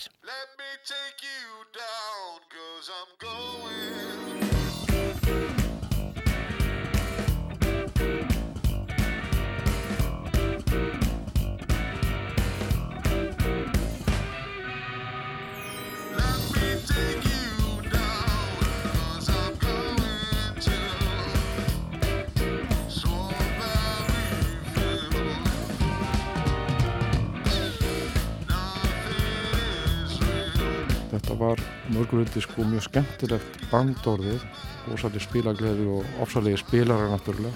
Það var rosalega mikið spileri, það var svona eiginlega bara motto að við tókum öllum giggum sem að fengust og spiluðum nokkurnu sinnum í viku þarna um hverja einastu helgi í, í 2-3 ára eitthvað svo leiðis. Og við svona einbyttum okkur doldið að því að fara óvennulega leiðir. Við til dæmis heldum ekki útgáðu koncert, heldur leiðu við stóra flutningabíl fylltum hann á græjum og kerðum um bæin og á milli framhaldsskóla og... Ég letum svo sem ekki vita þessu sérstaklega, heldur mættum bara og reyndum að hitta inn á fríminútur sko og matarlíja og bara opnuðum drósíuna og vorum með hérna rafstöð með okkur Já, dróum hana í gang og svo var talið í þrjú fjóðu lög og svo bara lokað og kipti burtu. Þetta vakti nokkra aðtegli og var mjög Já, skemmtilegt. Þetta var mjög skemmtilegt en ég- þetta seldi samt örg lengur blötur Já, hver veit? Já, hver veit Árið er 2005. She wants to make some wings, perhaps to fly away. And she's got a million dreams and feathers in a bag. And Julie waits by the iron gate in her wooden clogs with a fistful of fate and feathers in a bag.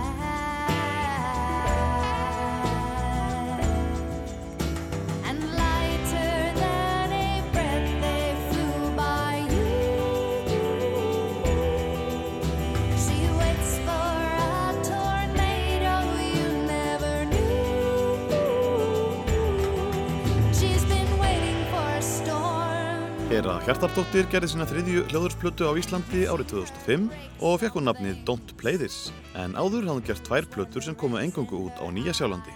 Hera sagði frá tilurð nýju plötunar í viðtali á Rás 2 en platan hafið þennan dag hafði komið út hér á landi tveimur árum áður. Eftir hafið þannig dag þá fór ég og var búsett á Nýjafandi í svolítinn tíma en kom svo og tók upp Don't Play This. Það var mjög gaman að taka hann upp, ég held að höfum tekið hann upp í grjótnáminni. Með strákanum aftur úr stríðufriði Gummi P. sem að pródúseraði hafið þennan dag og This. Þeir eru alveg æðislegir, allir strákanir. Platan fekk jákvæða dóma og það vakti aðtegli að Hera söng engöngu á ensku að þessu sinni en ástæðan var svo að enska var það tungumál sem hún ólst upp við og platan átti að koma út á Nýja Sjálandi á nýju ári. Sem spiluðu með henni á plötunni voru upptökustjórin og gítarleikarin Guðmundur Pétursson, bassaleikarin Jakobs Mári Magnússon, trómarinn Arnar Geir Ómarsson, hljómbásleikarin Davíð Þóri Jónsson og fyrirleikarin Dan Cassidy. Hér syngur Hera titilagplötunar Don't Play This. Cat has more respect for the bird than I do for you. And I don't have to say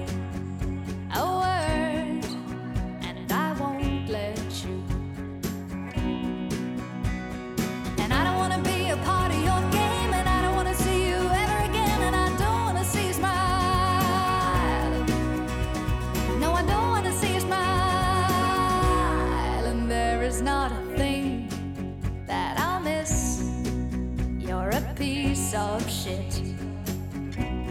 And if you ever get another kiss, I hope you choke on it. Don't play this er titillagplötunars. Það er eiginlega uh, svolítið erfitt að segja mikið frá því, þannig ég verði eiginlega halda aftur að mér að segja eins lítið og ég þóri.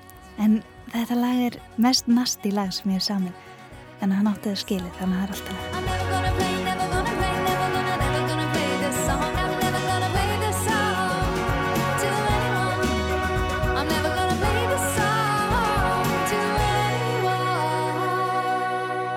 Árið er 2005.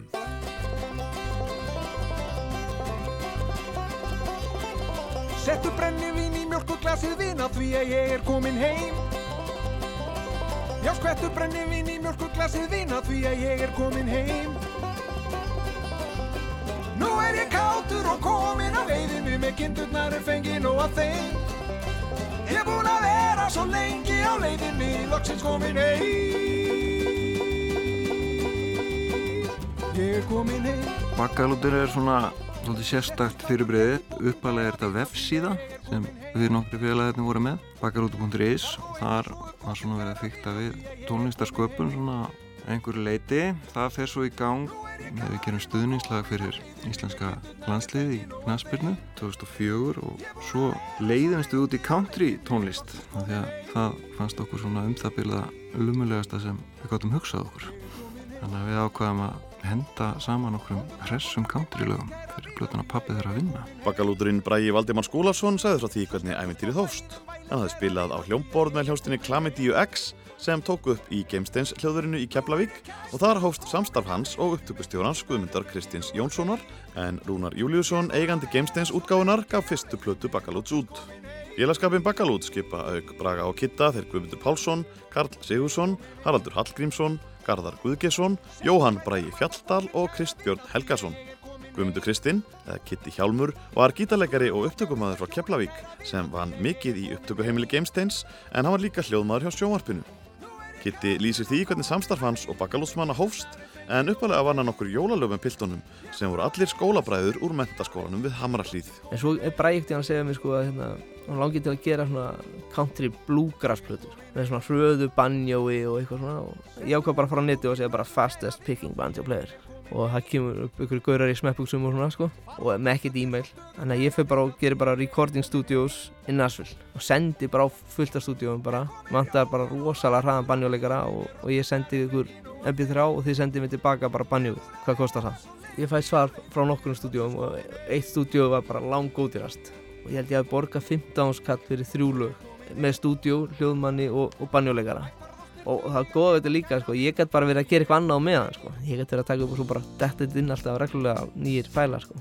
og við sögum bara alltaf, við vorum alltaf bara bara, bara að gera eitthvað nógu og rugglað og nógu út fyrir bóksið og bara nógu að flippa Afsakaðu allan þennan reikinni Ég var bara að líta til með steikinni.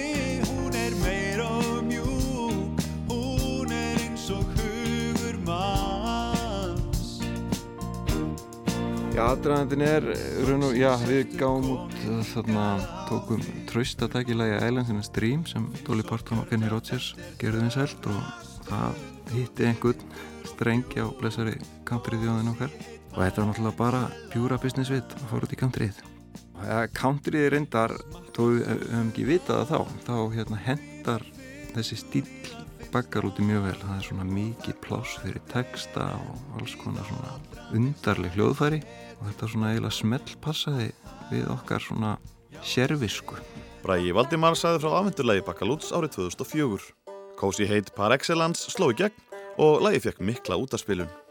Í titillægi breyðskifunar, Pappi þarf að vinna í nótt, syngur Rúnar Júliusson með Bakkalúti og lagið hitti svo rækilegi mark að það var valið lag ársins á íslensku tónlistarvelunum. Ekki fara að gráta vini minn. Ekki fara að gráta litla skinn. Þó pappi þurfa að vinna Þá getur þú sofið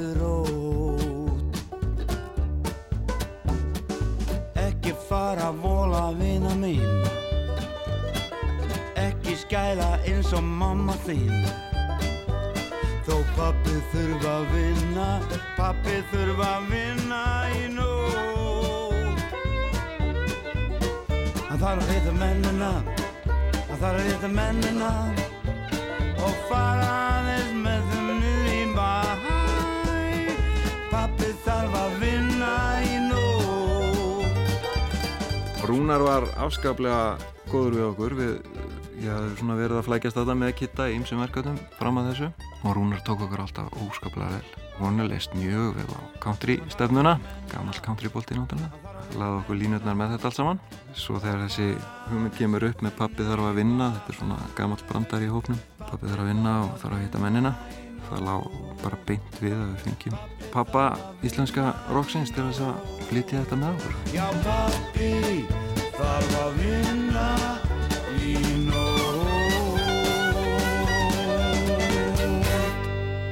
Árið er 2005. In the time we've been together, you were always on my mind.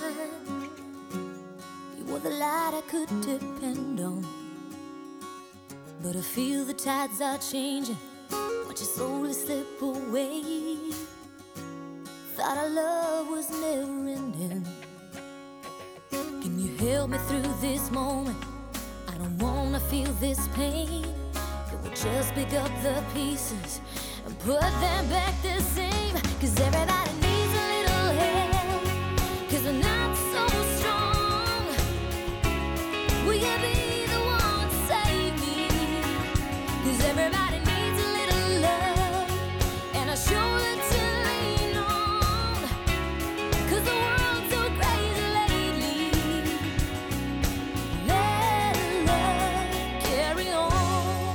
langaði uh, rosalega bara að gera plötu sem að ég í raun og veru, ég pródúseraði hana með pappa og ég var bara með mína vini sem spiluðu og samtöld lögin með vinnum mínum og það var bara svona, mér langaði bara að virkilega gera það rosalega mikið sjálfa því að þegar ég var hjá Priority þá var náttúrulega, maður var náttúrulega mjög mikið stjórna sko, það var svo mikið af fólki sem var í þessu verkefni og maður fekk í raun og veru ekkert að ráða neitt ferðinni sjálfur þannig, ég, ég menna vola lítið sko, þannig að, svo plata, Bird of Freedom platan er bara svona ég aðeins með smá frekjurkast. Svala Björgvins vildi ekki vinna aðra sólaplötu sína á sama hátt og þegar hún gerði The Real Me sem kom út árið 2001. Svala spilar ekki á neinn hljóðfæri en semur lögin sín á þann hátt að hún raular stef og viðlag inn á diktafón og skrifar síðan hugmyndir að textum á miða og einnig hvernig hún vill vinna lægið. Síðan hittir hún hljóðfæraleikara og raðar lögunum saman með þeirra hjálp. Nákvæmlega svona samt hún lögin fyrir plötuna Bird of Freedom með Friðriki Kalsinni, Krumma bróður sínum, Ian Morrow, Ben Barson og þíska tónlistamanninum Jens Krauser. Lögin urðu til á tveggjára tímabili og síðan fóru þrýr mánuðir í upptökuvinnuna þar sem hún valdi endarlega úr lögunum sem til voru. Let Love Carry On var fyrsta lagið sem heyrðist af plötunni en það kom út á sapplötunni Svona er sömarið 2005. Svala var með tvö ítölsk lög á plötunni sem hún gerði enska texta við. Annað þeirra fekk nafnið We're All Grown Up og þar syngur Krummi, bróðursvölu, með henni undir lok lagsins.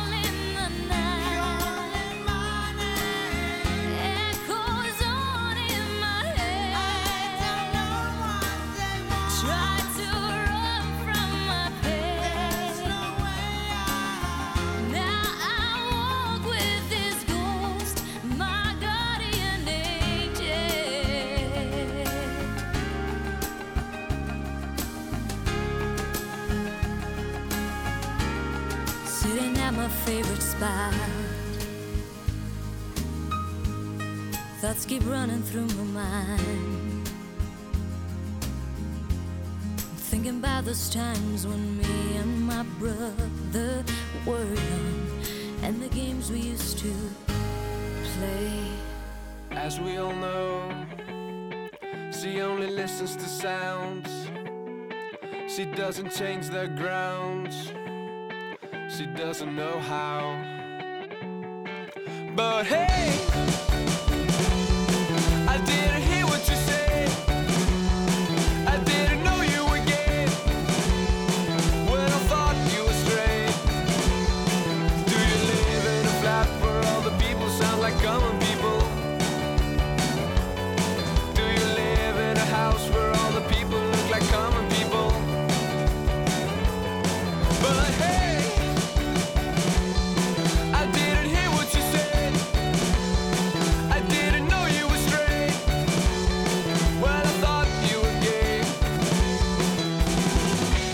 plötunni sjálfur en fengum dreifingarsamling frá 12 tónum þannig að það að gefa plötu 16 og 17 ára er alveg fyrir mikið afreik fyrst mér bara svona ungir og reynslu litlir við fjármögnum sjálfur sko. við bara söfnum saman peningum fyrir giggum og, og lögðum alltaf út svolítið pening sjálfur sko. þetta kom alltaf út á nulli eftir á sem betur þér Víðir Björnsson sagði frá fyrstu plötu hljómsdærinnar Nílfisk frá Stokkseyri og nágrenni sem kom út undir lok ás 2005. Hljómsveitin var stopnuð tveimur árum áður og auk Víðis voru í sveitinni Jóhann Vignir Vilbergsson, Sveit Ásker Jónsson og Sigurjón Dan Viljánsson en Jóhann og Víðir á samt Karli Magnúsi Bjarnasinni stopnuðu hljómsdýrna Kiriyama Family nokkrum árum síðar. Platan fekk nafnið Don't Run After Your Own Apples og voru eldstu lögin samin á uppafs ári sveitarinnar. Lægið On Display naut talsverða vinselda á bresku tónlistasíðunni Real Networks sem 2 miljónir tónlistaráhugamanna skoðuðu reglulega og Morgunblæði segði frá því að lægið verið með fjóra stjörnur sem var að hæsta á síðunni í byrjun desember.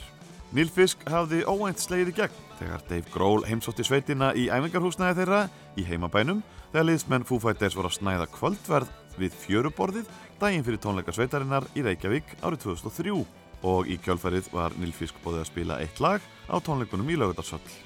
Foo Fighters tróð svo upp í Egilsöll sömari 2005 ásatt Queens of the Stone Age og daginn áður var komið við á fornum slóðum. Sko við vissum að það var að koma þessa helgi og spila hann í Íslandi þannig við byggumst náttúrulega við að þau myndum fara aftur á fjörubarið. En svo var hérna hópur af bandarækjumönnum í heimsókn sem sett á Stókseri sem var að fagna þetta þjóðutæti bandarækjumanna, þetta var 4. júli. Þannig að við ákveðum bara að slá í tónleika fyrir þá og hvort sem að Fighters myndi koma aftur eða ekki þá var þetta bara fínum tónleikar. En svo mætti þeir hérna með Stone Age líka og komu náttúrulega yfir á tónleikana. Svo ákveðum við bara samin að í gig og fórum bara að spila eitthvað blues og það bara eins og í hópasleika, það bara skipt inn og út sko. Bara ef menn á þreyttur á gítarnum þá bara kom næsti. Bandarækjumennum alltaf trilltust að sjá Dave Grohl hérna á Stokkseri á Íslandi. Kannski ekki búist við að hitta ædóli sitt þar. Þetta var megapartí bara og mikið stuði. Hérna undir hljómar Jam Session sem var tekið upp á draugahúsinu þetta kvöld en það var vantarlega að veri fagnaða fundir hjá Nýlfisk liðum og Foo Fighters 4. júli 2005 á Stokkseyri eða hvað? Já, samt ekki sko. Þetta var alveg bara svolítið svona, svolítið styrt sko. Það liði þarna tvö ár og ég var 15 ára þetta skeiði fyrsta skipti og orðin 17 ára og þannig að setna skipti. Ég fannst ég að orðin svona miklu, miklu þroskaðri þá. Og við allir alltaf búin að breyta svo mikið að þeir var alltaf þekkt okkur sko. En jújú, jú, við alltaf bara spjöldum saman um það sem skeiði áður og þeir buðu okkur á tónleikana kvöldi eftir. Plötusalan á Íslandi jógst um 8% frá árunni 2004 og var heildarsalan 823.000 eintök árið 2005 sem er mesta sala sem hefur nokkur sinni náðust hér á landi á einu ári. Tenorsöngvarinn Garðar Tór Kortes og aldagerisbróðurinn Óskar Pétursson áttu mest seldu plötur áfsins 2005 og náðu báðir um 15.000 eintaka sölu. Refalda saplatan Ára Öld með Björgunni Haldósinni seldist í rúmlega 12.000 eintökum og Helgi Björnsson var næri 10.000 eintökum með plötuna yfir Esjuna. Fissimans Woman með Emilínu Torini var á sveipuðuróli en hún fekk afhenda gullplötu í júli þegar hún var stödd á landinu og þá höfðu 6.700 eintök selst. Platan helt áfram að seljast til jóla og fór í hátt í 10.000 eintök fyrir áslokk. Sigurósa platan Takk seldist í tæflega 10.000 eintökum og var varinn hljónplata ársins í flokknum rock og jæðartónlist á íslensku tónlistarvelununum.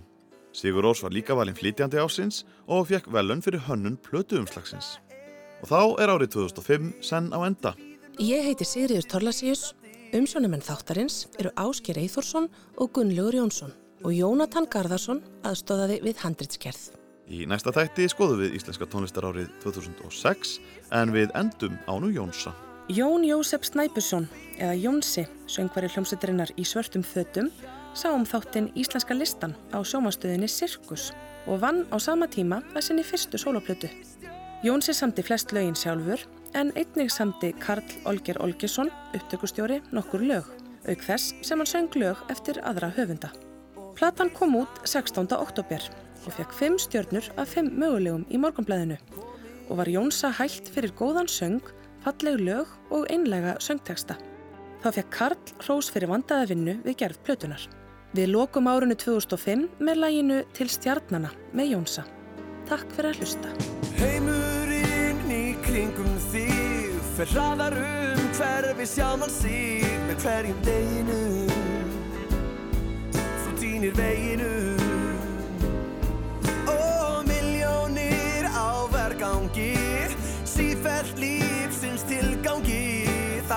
leita að en á raungum stað